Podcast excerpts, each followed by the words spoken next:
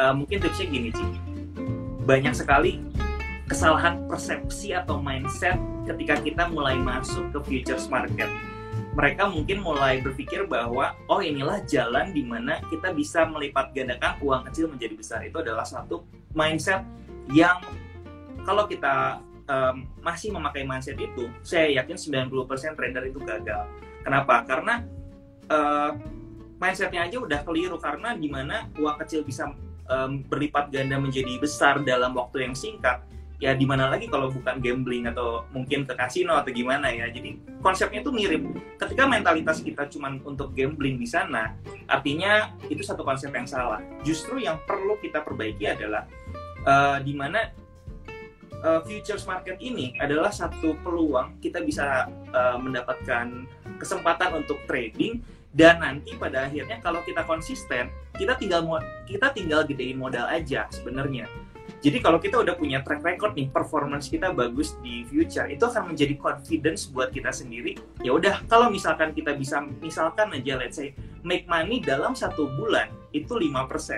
Kita kaliin 12, itu kan 60% satu tahun.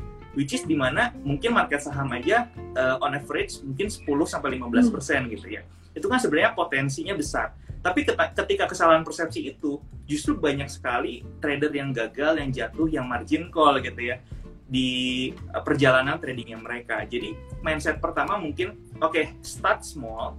Ketika kita memang sudah punya confidence itu, kita udah melihat uh, melihat performance kita di, di belakang seperti apa, itu kita bisa mendapatkan confidence di mana kita bisa put more money dan kita jangan melihat uh, ininya persentasenya. Jadi dalam sehari kita bisa untung 10% atau dalam sebulan kita bisa untung besar. Tapi yang diperbesar itu sebenarnya modalnya.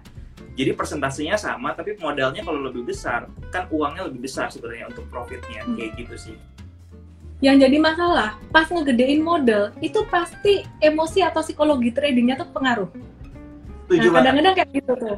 Iya kan? Ketika kita Tujuh trading dengan virtual account, uh, berhasil terus uh, trading dengan uang kecil masih oke, okay. tambahin dikit masih oke. Okay. Begitu, tambahin lagi merasa udah berhasil, tambahin lagi bisa acak-acakan gitu kadang-kadang. Nah, buat teman-teman yang uh, masih pemula mungkin nah itu udah tanda-tanda bahwa harus mulai ngurangin lagi. Jadi mesti tes dan ukur secara uh, mentalnya ya sesuai dengan kesiapan mental. Jadi sebenarnya mau di saham, di forex dan di uh, crypto futures pun sama ya Andi ya sebenarnya ya kita mesti sabar ngikutin proses gitu.